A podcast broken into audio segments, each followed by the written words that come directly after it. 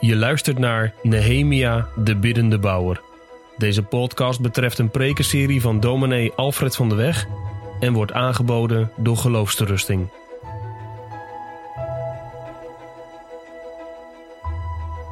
Gemeente, wij openen de schriften vanmorgen in Nehemia 1. In zekere zin is dat een stap terug. Vorige week stonden we stil bij hoofdstuk 2. Nu bij hoofdstuk 1 zagen we vorige week de grondhouding waarmee Nehemia zijn eerste werkzaamheden oppakte. Nu komen we erachter dat die grondhouding gedragen wordt door gebed. Dat is hoofdstuk 1. We lezen dat samen met elkaar. Nehemia 1, het woord van de Heere spreekt daar als volgt. De woorden van Nehemia, de zoon van Hagalja. Het gebeurde in de maand Gisle in het twintigste jaar toen ik in de burcht Susan was, dat Hanani kwam, een van mijn broers, hij en mannen uit Juda. Ik vroeg hun naar de Joden die ontkomen waren, die uit de gevangenschap overgebleven waren, en naar Jeruzalem. Zij zeiden tegen mij, de overgeblevenen die uit de gevangenschap daar in het gewest zijn overgebleven, verkeren in grote ellende en in smaad. In de muur van Jeruzalem zijn bressen geslagen en zijn poorten zijn met vuur verbrand. Het gebeurde toen ik deze woorden hoorde, dat ik ging zitten en begon te huilen. Ik bedreef enkele dagen rouw, terwijl ik voor het aangezicht van de God van de hemel vastte en bad. Ik zei, och Heere, God van de hemel, de grote en ontzagwekkende God die het verbond en de goede tierenheid in acht neemt voor hen die hem liefhebben en zijn geboden in acht nemen. Laat uw oor toch opmerkzaam zijn en uw ogen open om te luisteren naar het gebed van uw dienaar, dat ik heden dag en nacht voor uw aangezicht bid voor de Israëlieten, uw dienaren. Ik beleid de zonden van de Israëlieten, die wij tegen u begaan hebben. Ook ik en mijn familie, wij hebben gezondigd. Wij hebben het grondig bij u verdorven. Wij hebben de geboden, de verordeningen en de bepalingen die u aan uw dienaar Mozes geboden hebt, niet in acht genomen. Denk toch aan het woord dat u uw dienaar Mozes geboden hebt. Als u ontrouw bent, zal ik u overal onder de volken verspreiden. Maar als u zich tot mij bekeert en mijn geboden in acht neemt en die houdt, al bevonden uw verdrevenen zich aan het einde van de hemel, vandaar zal ik hen bijeenbrengen en hen brengen naar de plaats die ik gekozen heb om daar mijn naam te laten wonen. Zij zijn toch uw dienaren en uw volk dat u verlost hebt door uw grote kracht en door uw sterke hand. Och heren, laat uw oor toch opmerkzaam zijn op het gebed van uw dienaar en op het gebed van uw dienaren, die er vreugde in vinden uw naam te vrezen. Doe uw dienaar vandaag toch slagen en geef hem barmhartigheid bij deze man. Ik was namelijk de schenker van de koning. Tot zover hoofdstuk 1 van Nehemia. Ik verkondig u vanmorgen het woord vanuit dit hoofdstuk met als kerntekst vers 4. Hoofdstuk 1 vers 4 deze woorden. Het gebeurde toen ik deze woorden hoorde dat ik ging zitten en begon te huilen. Ik bedreef enkele dagen rouw terwijl ik voor het aangezicht van de God van de hemel vaste en bad. Wij zingen zonder verdere aankondiging naar de preek Psalm 123, het eerste vers. Ik hef tot u die in de hemel zit mijn ogen op en bid. Psalm 123, vers 1, zonder verdere aankondiging na het amen van de preek. Gemeente, jonge mensen, zoals iemand op zijn knieën is, zo is die echt. Ben je het ermee eens? Wij kunnen van Nehemia heel veel zeggen. En dat zal ook nog gaan gebeuren. Nehemia, ongetwijfeld een goede leider geweest. Met veel capaciteiten, veel talenten. Maar wie was Nehemia nu echt? Ja, wanneer ben je wie je echt bent? Nou, niet in het publieke leven, want gemeente, wij kunnen elkaar tot in de kerk toe hoor. Om de tuin leiden. Wij kunnen van elkaar een beeld creëren, een beeld hebben en ook bevestigen, in stand houden wat van geen kant klopt. Wie zijn wij echt? Wij zijn echt wie wij zijn op de knieën. En daarom, jonge mensen, is het zo'n geweldig voorrecht dat er in de Bijbel heel wat personen niet alleen van buiten getekend worden, maar ook van binnenuit. Hoe ze zijn voor Gods aangezicht, hoe ze hun gebeden voor Gods aangezicht hebben verwoord. Nou, vanmorgen hebben we een prachtig voorbeeld. Nehemia 1 is toch eigenlijk een kijkje in de binnenkamer van Nehemia. He, voordat we verder gaan met die serie, met alles wat Nehemia door Gods genade uh, gedaan heeft. Eerst die gebedshouding. Zoals hij echt is. In zijn privévertrek. Matthew Henry zegt het heel mooi. Dit boek vertelt ons niet alleen iets over Nehemia's handen, maar in de eerste plaats over Nehemia's hart. Wie was hij? Van binnenuit. Daar gaat het toch uiteindelijk gemeente om, bij u en bij mij. Wie wij zijn, niet wat wij bereikt hebben en wat wij kunnen en aankunnen, maar wie wij zijn volgens aangezicht. Bent u het ermee eens? Dat blijft uiteindelijk toch over. Als ons leven ineens schrompelt en de mogelijkheden beperken, beperkt worden. En wij uiteindelijk alles los moeten laten. Wie zijn wij dan geweest? Wij beginnen dus bij hoofdstuk 1 vanmorgen, om van daaruit verder te gaan en al die andere hoofdstukken met elkaar te doorwandelen. Boven de preek staat geschreven de rode draad van het gebed. Misschien hebt u het gezien, ik zeg dat maar even, maar ik probeer op de website van de kerk een paar dagen van tevoren het thema en de punten gepubliceerd te krijgen zodat u zich ook wat gericht met uw gezin wellicht kunt voorbereiden. Dus op de website zijn de punten en het thema al wat eerder te vinden. De rode draad van het gebed is het thema voor vanmorgen. We letten op drie gedachten. In de eerste plaats hoe Gods naam aangeroepen wordt. In de tweede plaats hoe Gods verbond de draagkracht vormt. En in de derde plaats hoe Gods hulp verwacht wordt de rode draad van het gebed. Hoe Gods naam aangeroepen wordt, hoe Gods verbond de draagkracht vormt en hoe Gods hulp verwacht wordt. In de eerste plaats hoe Gods naam aangeroepen wordt. Gemeente, u hebt misschien ook wel die vreselijke beelden gezien, of u ziet ze nog, van Sulawesi, dat getroffen gebied. Vreselijk.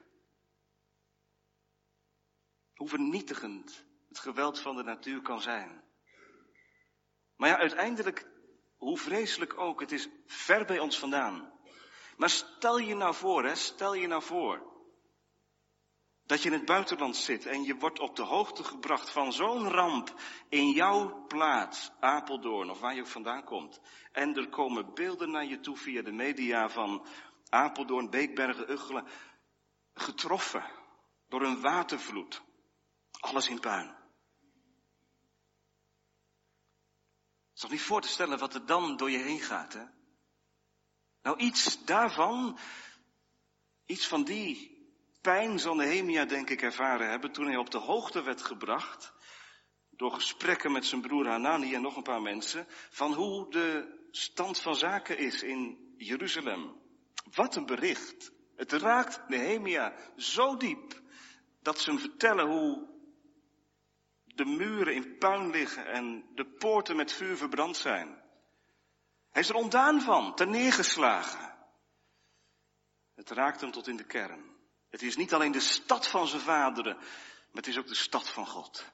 En die is in het hart getroffen. Nehemia is echt uit het lood geslagen. Die geestelijke leider met zoveel capaciteiten zit hier in vers 4 op de grond met de rug tegen de muur. wat nu te doen? Wij zeggen wel eens tegen elkaar, hè, ik ben er kapot van. Misschien zeg jij dat ook wel eens. Als er iets gebeurt in je leven. Ik ben er gewoon kapot van. Zo diep raakt het je. Wij kennen elkaar nog niet zo goed, maar het zou mij verbazen als er vanmorgen geen mensen zijn, jongeren of ouderen, die ook ergens zo kapot van zijn.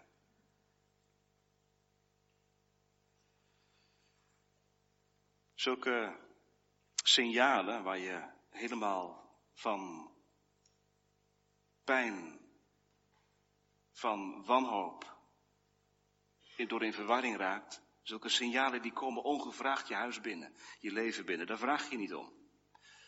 Dat gebeurt, het overkomt je. Had jij erom gevraagd? De dokter die boodschap deelde, meer ernstige boodschap voor u. Voor uw vrouw. U had er niet om gevraagd. Maar u ging als verdoofd naar huis toe. En jij had er ook niet om gevraagd toen dat heftige bericht van je vriend binnenkwam.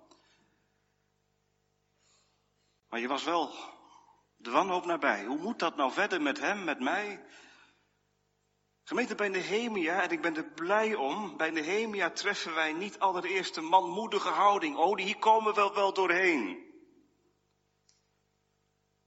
Dit bericht, dat alles in puin ligt, dat alles kapot is, dat raakt hem zo diep, dat hij op de grond gaat zitten en begint te huilen. Wij kunnen soms een beeld hebben van kinderen van God, dat ze ten allen tijde sterk moeten zijn. En wij creëren soms ook van die, van die beelden van Paulus en van andere mensen uit de Bijbel. Nou, daar is niets van te merken bij Nehemia. De tijding van Hanani, die drijft hem uit tot gebed. Ik heb voor zijn aangezicht mijn klacht, want dat is het. Hij begint te huilen. Het is geen mooi gebed. Hij begint te huilen. Ik heb voor zijn aangezicht mijn klacht in mijn benauwdheid voortgebracht. En wij, gemeente, wat doe jij met berichten die je bereiken, die je huis binnenkomen? En nou even eerlijk, hè? Wat gaat er dan gebeuren bij ons? Wat wij gaan doen, wij gaan reageren. Misschien wel om advies vragen. We dienen van repliek. We klimmen in de pen. Dat zijn onze menselijke, al te menselijke reacties op dingen die ons bereiken, boodschap die binnenkomt, gebeurtenissen waar wij iets van vinden. Weet u, de Heilige Geest leert in het leven van een christen een andere route. Weet je wat de Heilige Geest leert? Berichten die binnenkomen in je huis, in je leven, betekenen vaak een gebedsopdracht. Heb je dat wel eens ervaren? Berichten die binnenkomen, waar je helemaal van ondaan bent,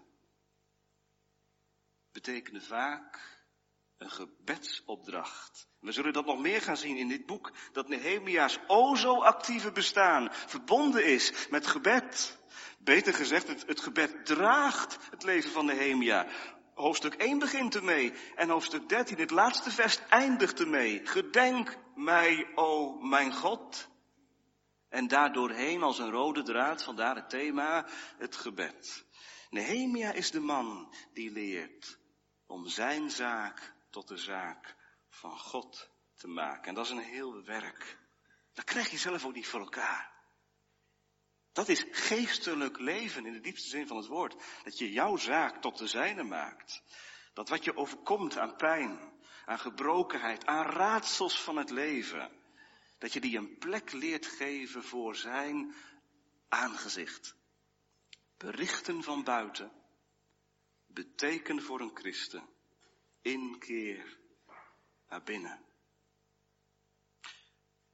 Eigenlijk zeg ik het niet goed. Berichten van buiten, tijding die ons verrast, betekent de weg naar boven gaan. Kijk maar wat, wat Nehemia doet. Hij bidt. En wat zegt hij dan in vers 5? Och, Heere, God van de hemel. God van, kinderen, God van de hemel. Niet God in de hemel. Misschien uh, stel je ook die vraag wel eens aan je, aan, je, aan je ouders. Waar is God, mama? Waar is God? En dan zegt je moeder of je vader, God is in de hemel.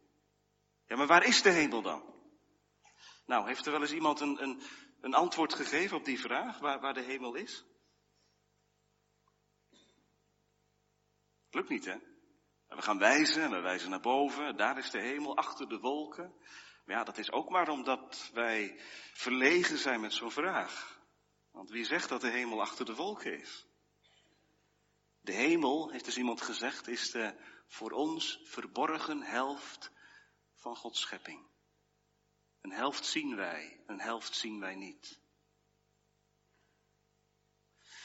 De hemel kunnen wij niet aanwijzen. Zoals wij Mars kunnen aanwijzen s'nachts of, of een andere planeet. God is in de hemel, jawel, daar is hij ook. Op die plaats waar liefde en vrede en heiligheid is. Maar Nehemia zegt niet, oh God in de hemel. Jongeren zeggen wel eens, ja, waar is God? God is in de hemel, dat is geen antwoord wat je tevreden stelt. Wel? Ja, dominee, in de hemel. Dat is zo ver weg. Van de hemel. Waarom zegt Nehemia dat? Dat is zo troostrijk. Dat betekent dat God niet de God is van onderaf, maar de God van boven.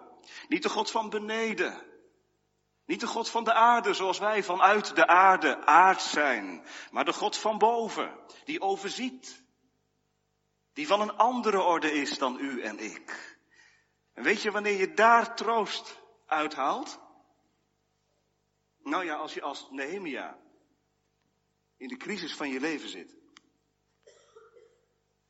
O God van de hemel. Ik ben zo blij met deze aanduiding. En met dit begin. Waar ik aanloop tegen muren, o God, loopt u er niet tegen aan. Waar ik geen deur zie, zijn er voor u wel open deuren. U bent de God van de hemel. Deze aanduiding, gemeente, zet mij op mijn plaats. En geeft God de plaats die hem toekomt. Hij is de God van de hemel. Geen God die ik in mijn hand heb.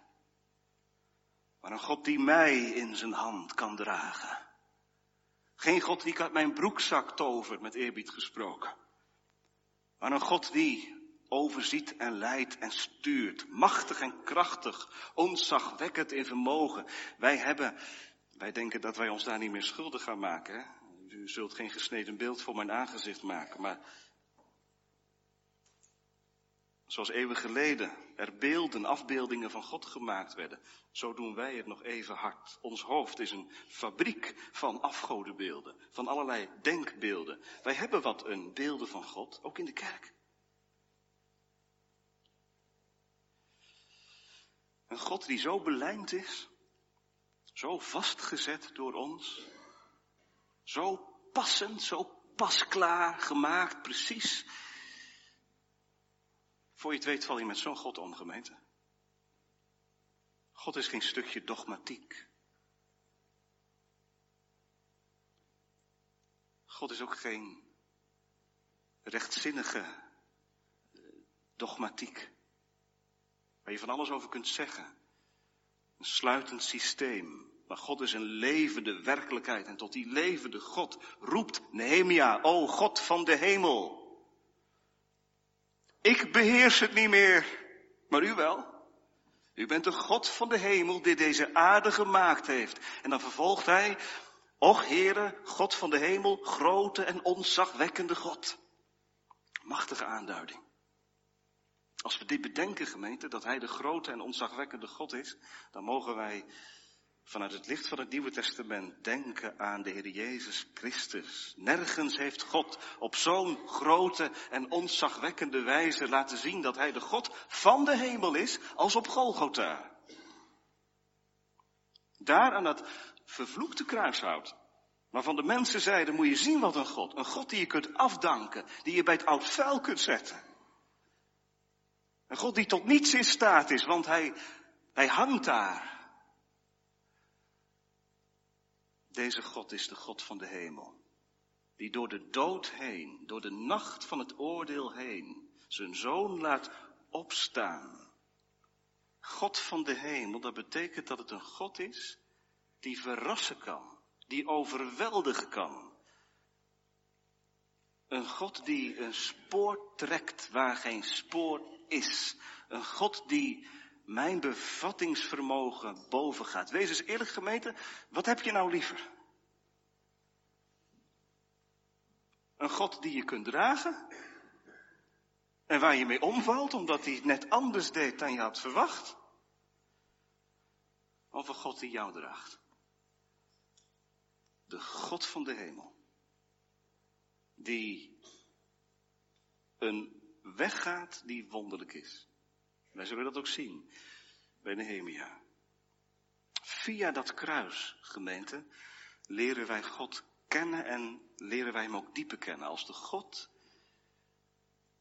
die in Jezus Christus genadig en barmhartig is. Een God die verrast en mij klein maakt van verwondering. Zo'n God dient Nehemia. Daarom is allemaal mooi gezegd. Mooie taal vanmorgen. Maar als je er zo doorheen zit als mij, dan zie je dat niet. Ik wil uw kruis echt niet klein maken. Ik zou niet durven. Echt niet. Maar kijk eens even naar Nehemia. Wat denkt u dat deze man het wel ziet dan? Weet u hoe lang hij gebeden heeft? Vier maanden lang. Dat haal ik uit de aanduiding Gislui in hoofdstuk 1, vers 1. En de aanduiding Nisan, hoofdstuk 2, vers 1. Er zitten vier maanden tussen. Onze maand december en onze maand maart, april. Ongeveer vier maanden heeft Nehemia gevast, rouw bedreven en gebeden. En ik denk dat je mag zeggen dat de lijn van zijn gebed hoofdstuk 1 was. Dat was de rode draad. Daar ging het om. Vier maanden lang gebeden en gestreden. Want wij hebben geen God die ons op onze wenken bedient. Blijkbaar.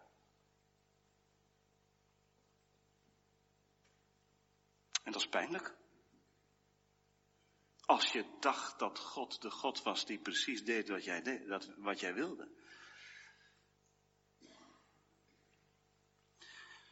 Moeten we zich proberen een beetje voor te stellen hoe Nehemia zich gevoeld zal hebben Jeruzalem, de stad van God.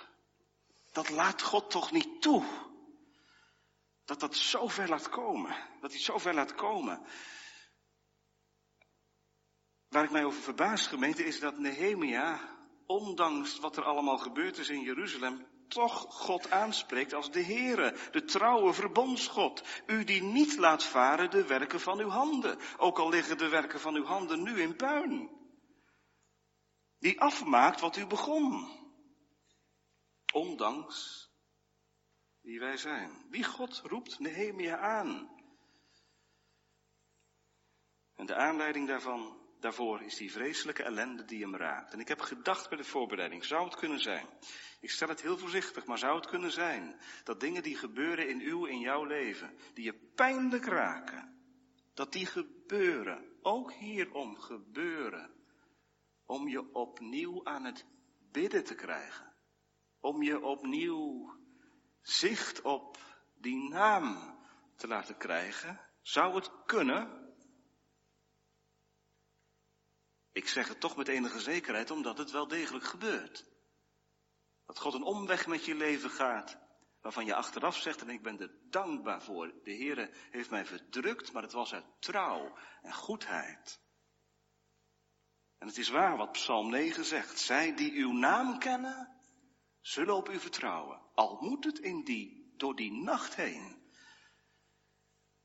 En dat zou ik ook willen meegeven vanmorgen. Stel die naam van God voor ogen.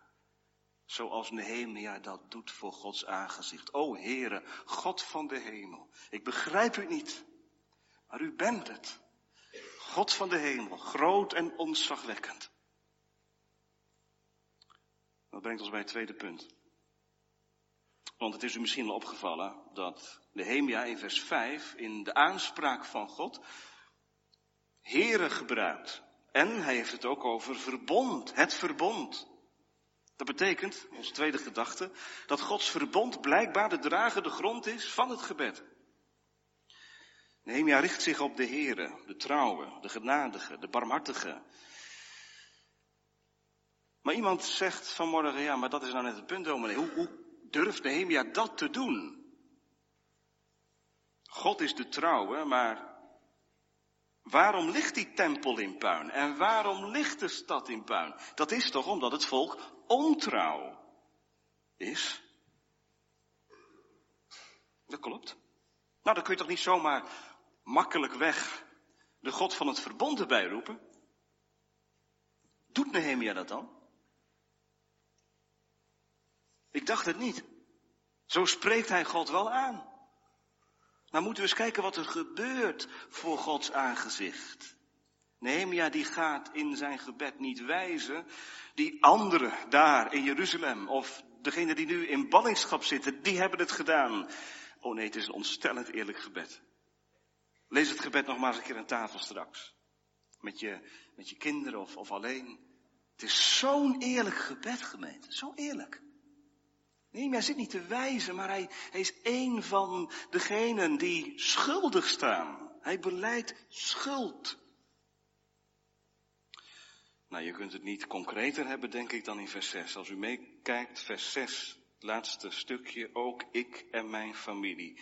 Wij hebben gezondigd. Nehemia draait er niet omheen. Ook ik. Vers 7, we hebben het grondig bij u verdorven. Geen vrome taal. Wij zijn allemaal zondaren. Dat is massataal. Daar koop je niets voor. Wij zijn allemaal zondaren. Ik, ook ik. En mijn familie. Misschien uh, heeft de juf het wel eens gezegd, kinderen, of de meesten, op school. Er was een ruzie op het schoolplein. En uh, wie begon er? Hij. Hij. Dan wijs je met je vinger naar dat kind. En dan zegt de juf, ja kijk eens, maar dan wijzen altijd vier vingers naar jezelf, hè. Je wijst met één vinger, maar de vier vingers wijzen naar jezelf. Ook ik, als er een ruzie ontstaat, is het altijd de schuld van die ander? Nehemia zegt ook ik. Waar haalt Nehemia de moed vandaan om te bidden, om God de trouwe verbondsgod te noemen? Want hij heeft toch helemaal niets om aan te bieden aan God? Jij ook niet vanmorgen. Of wel? Je staat toch ook in het krijt bij God?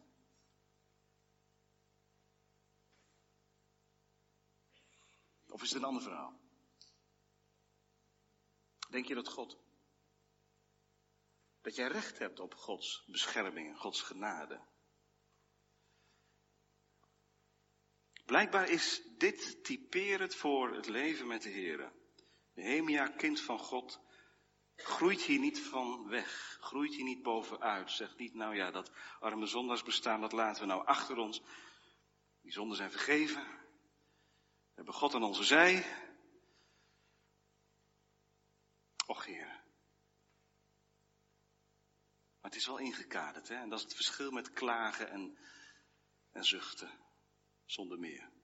Het is ingekaderd. Wat bedoelt u? Het is ingekaderd in de verbondstrouw van God. En, en, en dat schept moed. Als je nou als zondaar vanmorgen luistert. Schuldig. En je voelt je schuldig omdat je je niet schuldig voelt.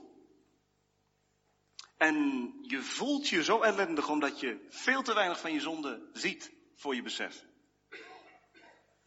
Wat doet Nehemia? Hij pleit op Gods beloften. En die beloften, ze staan in Leviticus 26, ze staan in Deuteronomium 30, de kleine cijfertjes in uw Bijbeltje, bij die teksten, die verwijzen daar denk ik ook wel naar. Ik zal twee teksten voorlezen, die Nehemia in gedachten komen, als hij bidt. Een van die teksten is deze. Ik zal ter wille van mijn volk denken aan het verbond met hun voorouders. Nog eentje, Deuteronomium 30. U zult zich bekeren tot de Heere uw God en zijn stem gehoorzaam zijn. U en uw kinderen, met heel uw hart, met heel uw ziel. Dan zal de Heere uw God een omkeer brengen in uw gevangenschap en zich over u ontfermen. Hoe diep het volk ook weg gaat zakken, God weet het al. Maar dit is al op schrift gesteld voordat het volk van Israël als ballingen worden weggevoerd. En dit grijpt Nehemia aan. Pleitgrond. Gods beloften zijn geen rustgrond, maar een pleitgrond. Pleitgrond. O God, omwille van uw belofte. Gedenk aan mij. Dat is echt bidden. Hè? Wat is echt Calvijn zijn? Bidden is appelleren op Gods beloften. Een appel doen op Gods beloften. Bidden is niet je zo schuldig mogelijk proberen te voelen. En dat in allerlei geuren en kleuren voor Gods aangezicht uitzeggen, alsof God niet weet hoe schuldig je bent. Bidden is appelleren op Gods beloften. Als een zondaar appelleren op Gods belofte. Bidden is dus niet passief de boel de boel laten en Gods water over Gods akker laten vloeien. Maar bidden is de hoogste activiteit. Omdat je weet, als ik niet van hogerhand geholpen word, dan kom ik hier niet doorheen. We hadden niet goed. Dringend vraagt Nehemia, o God van de hemel, u houdt het verbond. Wij niet.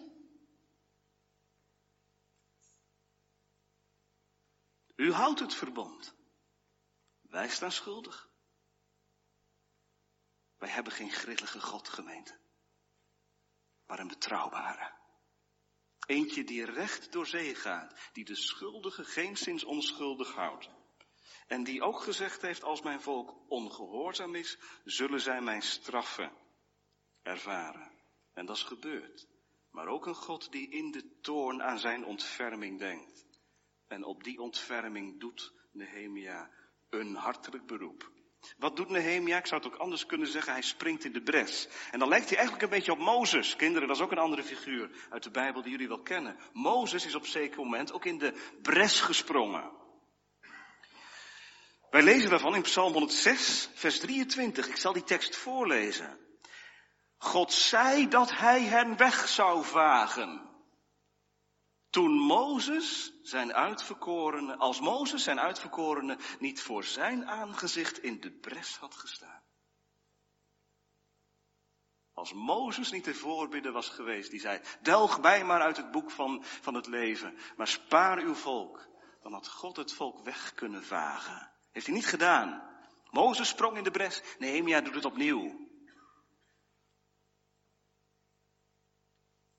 Alsof bidden niet werkt, gemeente. En of bidden werkt. Ja, niet omdat wij iets losmaken bij God, maar omdat wij oog krijgen voor wie God is. Ik weet niet of u de lijn al stilletjes voor u doorgetrokken hebt. U preekt een beetje mee vanmorgen. U zegt, Mozes sprong in de bres, Nehemia sprong in de bres voor zijn volk. Deed Jezus dat ook niet? Ja, zeker deed hij dat. Wat is middelaar zijn anders dan in de bres springen? Wat zou er van mij geworden zijn? Wat zou er van u geworden zijn? Als Jezus bleef waar hij was en niet onze één was geworden. We zien Nehemia heel solidair met de schuld van zijn volk omgaan. Jezus deed het als geen ander. En het is maar goed dat hij het deed. Anders zouden wij onze schuld moeten afkopen. Maar nu, nu mag ik u vanmorgen zeggen dat er een God is. Die niet wacht tot wij onze schuld kunnen afkopen. Maar die wacht om genadig te zijn. Als ik tot hem kom en zeg, Heer, ik heb u niets te bieden. Maar ik heb gehoord vanmorgen dat u een God bent die mij wat te bieden hebt. Dat u de trouwe verbondsgod bent die in de diepte van de ellende toen aan zijn volk dacht, zou u het ook opnieuw vandaag, vanmorgen in mijn leven willen doen? Mag ik ook uw bescherming, uw genade ontvangen? Wat denk je, zou dat, zou dat een gebed zijn wat verwaait? Nou, zo kan het voor je gevoel natuurlijk wel zijn. Hè? Nog een keer, Nehemia heeft vier, vier maanden gebeden. Zou hij na één week die gedacht hebben, nou, wat, wat begin ik? Klein mensje daar aan het hof. Dat is onze derde gedachte. Hoe, hoe heeft Nehemia nu ingespannen uitgezien naar de vervulling van dit gebed? Hoe Gods hulp verwacht wordt. Dat is misschien wel het moeilijkste. Bidden, woorden vinden, dat gaat nog, hoewel. Maar dan wachten, wachten. Wij lezen daar iets van in vers 11. Als Nehemia zijn gebeden uitgezegd heeft, eindigt hij als volgt, vers 11. Och heren, laat uw oor toch opmerkzaam zijn op het gebed van uw dienaren. En op het gebed van uw dienaren die er vreugde in vinden uw naam te vrezen. Doe uw dienaar vandaag toch slagen en geef hem barmhartigheid bij deze man. Kinderen, ik hoop dat jullie ook bidden. Dat je ouders je dat leren en dat je op een bepaald moment, als je iets ouder geworden bent, misschien nog wel zelf gaat bidden. Weet je wat mij altijd geholpen heeft? En nog, dat ga ik tegen jullie zeggen vanmorgen. Wie is God? God is een God die zijn oor neigt. Die psalm kennen jullie wel, hè? God heb ik lief, want die getrouwe Heer hoort mijn stem, mijn smekingen, mijn klagen. Hij neigt zijn oor. Doet papa misschien ook wel eens als je iets zegt tegen hem en hij verstaat het niet, dan zegt hij, wat zeg je? Wil je iets harder praten? God van de Hemia is een God die zijn oor neigt. Och heren, laat uw oor toch opmerkzaam zijn. Het is mensvormig gesproken van God, dat beseffen wij vanmorgen. Maar het helpt ons wellicht. God is geen God als een standbeeld die wij moeten bewegen, die wij wakker moeten roepen, roepen als de Baalpriesters. Word eens wakker, o God. Zo kun je het wel ervaren. Die ervaringen zijn er ook opgetekend in de Bijbel, Psalm 44. Waarom slaapt u, heren? Ik ervaar alsof u slaapt. Maar God is in wezen de God die zijn oor neigt. Laat uw oor toch opmerkzaam zijn op het gebed van uw dienaar. En, mooi, op het gebed van uw dienaren, meervoud. Nehemia is blijkbaar niet alleen. Hij weet zich gedragen door een schare van dienaren die ook bidden om dezelfde vervulling van beloften. Wat is er nou mooier gemeente dan als een dienaar, een geestelijk leider, omringd wordt door mensen die met eenzelfde verlangen smeken en bidden. Zijn er hier meer vanmorgen die meebidden om vrucht op de prediking en die meegenomen worden in het verlangen dat zijn naam hier zal wonen in deze kerk? Hemelbestormers gevraagd. Mensen die geweld doen op het koninkrijk van God. Die niet zeggen, de gemeente, de kerk, dat is de taak van de dominee en de kerkenraad. Wij komen halen. En u mag ons wat bieden.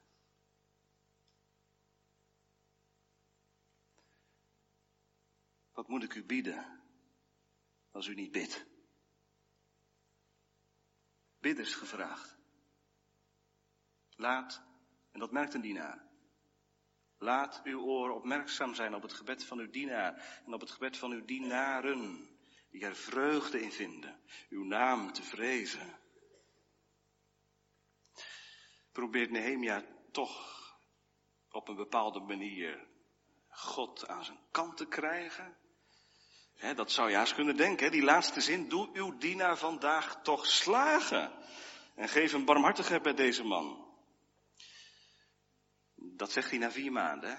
God heeft hem gekneed, laten rijpen. En ik denk na vier maanden Heere God, mag het vandaag zover zijn? Mag het vandaag zover zijn? En dan gebeurt het ook, hè, hoofdstuk 2. Dan krijgt hij gelegenheid om dat verzoek te doen aan koning Artasasta, mag ik terug, enzovoort.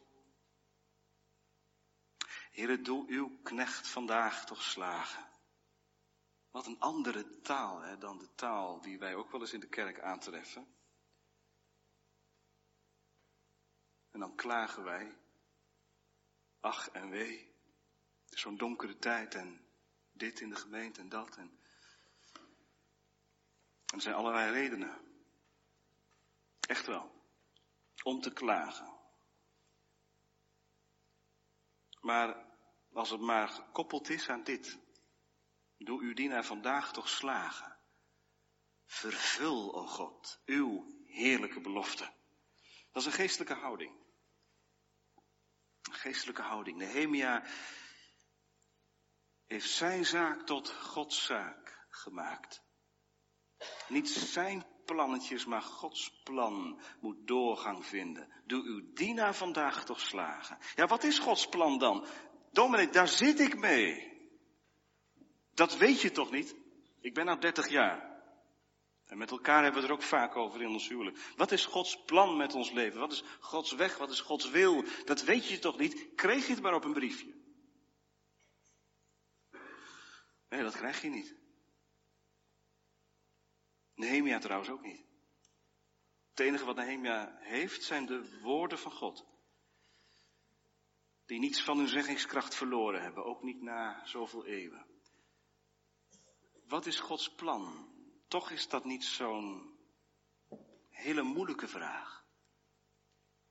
Ik bedoel niet te versimpelen, want je zult maar tasten naar Gods weg in je leven, maar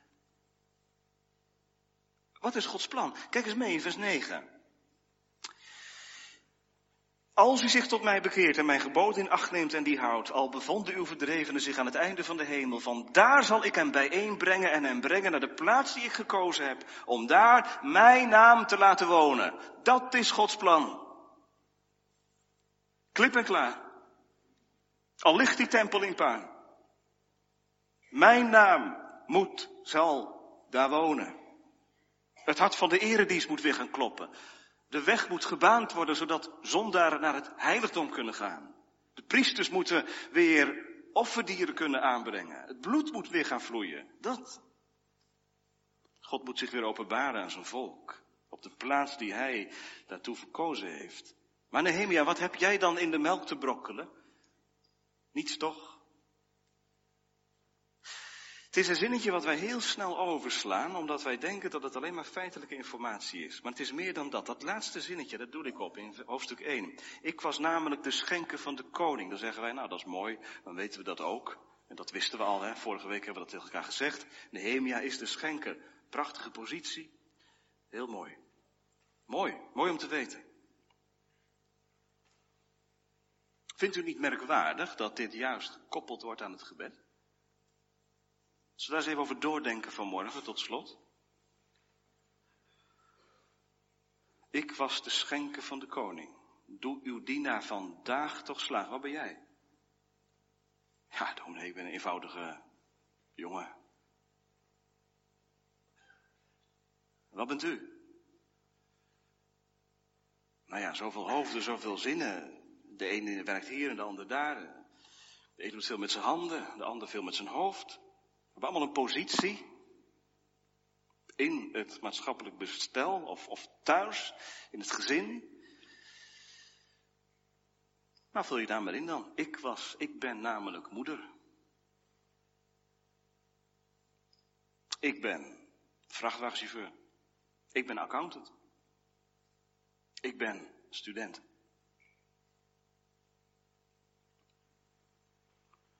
Wat bedoelt u dan? Dat betekent, ik heb een positie gekregen blijkbaar.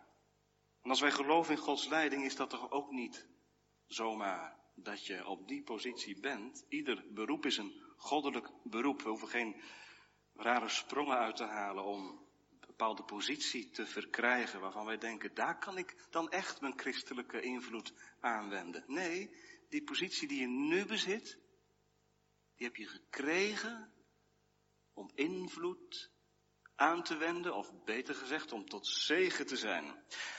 Catechismus gaat ons daar prachtig in voor. In de uitleg, uw koninkrijk komen. Wat betekent dat? Dat denken wij vaak heel massief. Uw koninkrijk komen. Hoe gaat dat dan? Weet je hoe dat gaat? Als ik en u mijn ambt, mijn taak, getrouw en gewillig uitvoeren. Daardoor komt Gods koninkrijk. Niet omdat wij dat doen, maar omdat God daardoorheen zijn koninkrijk laat komen. Laat komen. Inderdaad. Morgen op je werk. Trouw zijn op je post. Zo gewillig en getrouw als de engel in de hemel. Als moeder thuis. Wat kun je bereiken? Wat kun je. Je kunt toch niks forceren bij je kinderen? Nee. Maar dan gebeurt het wel. Ik was namelijk de schenker van de koning. Ik ben namelijk moeder van het gezin. En morgen bid je, doe mij vandaag toch slagen. En geef mij uw zegen. Dat iets van uw koninkrijk mag komen. God heiligt gaven. En heiligt ook de plaats die je in mag nemen. Zoals Nehemia uiteindelijk ingeschakeld werd met huid en haar door God zelf. Ja, maar ik ben geen Nehemia. Nee, de kernvraag is ook niet of u Nehemia bent. Maar of u de God van Nehemia dient, liefhebt, erkent, met hem wandelt. En dat bindt samen met Nehemia, dat weet ik zeker vanmorgen. Die diepe afhankelijkheid. Heren, laat mij zijn een instrument in uw hand. In de binnenste cirkel van het gezin, maar ook in de gemeente en breder in de maatschappij. En de God van de hemel zal ons doen slagen. Waarom? Vorige week zei ik, kun je dat toch niet een beetje minder stellig zeggen? Had Nehemia niet beter kunnen zeggen, mocht de God van de hemel ons doen slagen? Dan heb je altijd nog een achterdeurtje als het toch anders gaat dan je had gedacht en gehoopt. Dat is toch wat veiliger. De God van de hemel zal ons doen slagen. Dat is de resoluutheid van het geloof. Niet dat Nehemia niet twijfelt en aarzelt. Nehemia twijfelt en aarzelt volop, maar in het geloof is geen aarzeling. En geen twijfel. Dat grijpt God aan bij zijn belofte. Heere, ijver voor uw eer. Doe het zelf. Schakel mij in. Met heel mijn hebben en houden. Met al mijn beperkingen ook. En daar loop ik iedere dag weer tegenaan. Maar doe uw dienaar vandaag toch slagen. Een gemeente die op hem bouwt, die zal niet beschaamd uitkomen. Nee, dit is niet de marsroute van de christen die triomfantelijk zijn hoofd opsteekt en zegt en wij krijgen het voor elkaar. Dit is de weg van de knielende, biddende christen die krediet heeft op de God van de Hemia. En die vanuit de gestalte van de bidden zijn ogen slaat op God tot Hij ons genadig is. Wat een spiegel, gemeente, voor ons leven. En het laat ons uiteindelijk uitkomen aan de voet van het kruis, bij die bidder bij uitstek die al mijn gebeden heiligt, die nu voorbidder is, die meebidt en meeworstelt. Zijn koninkrijk zal komen. Wat een garantie. Het welbehagen van de Heer zal door de hand van zijn zoon gelukkig en gelukkend voortgaan. Amen.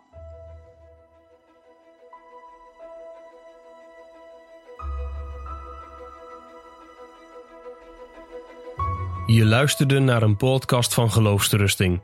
Wil je meer luisteren, lezen of bekijken? Steun dan onze missie en ga naar de website geloofsterusting.nl.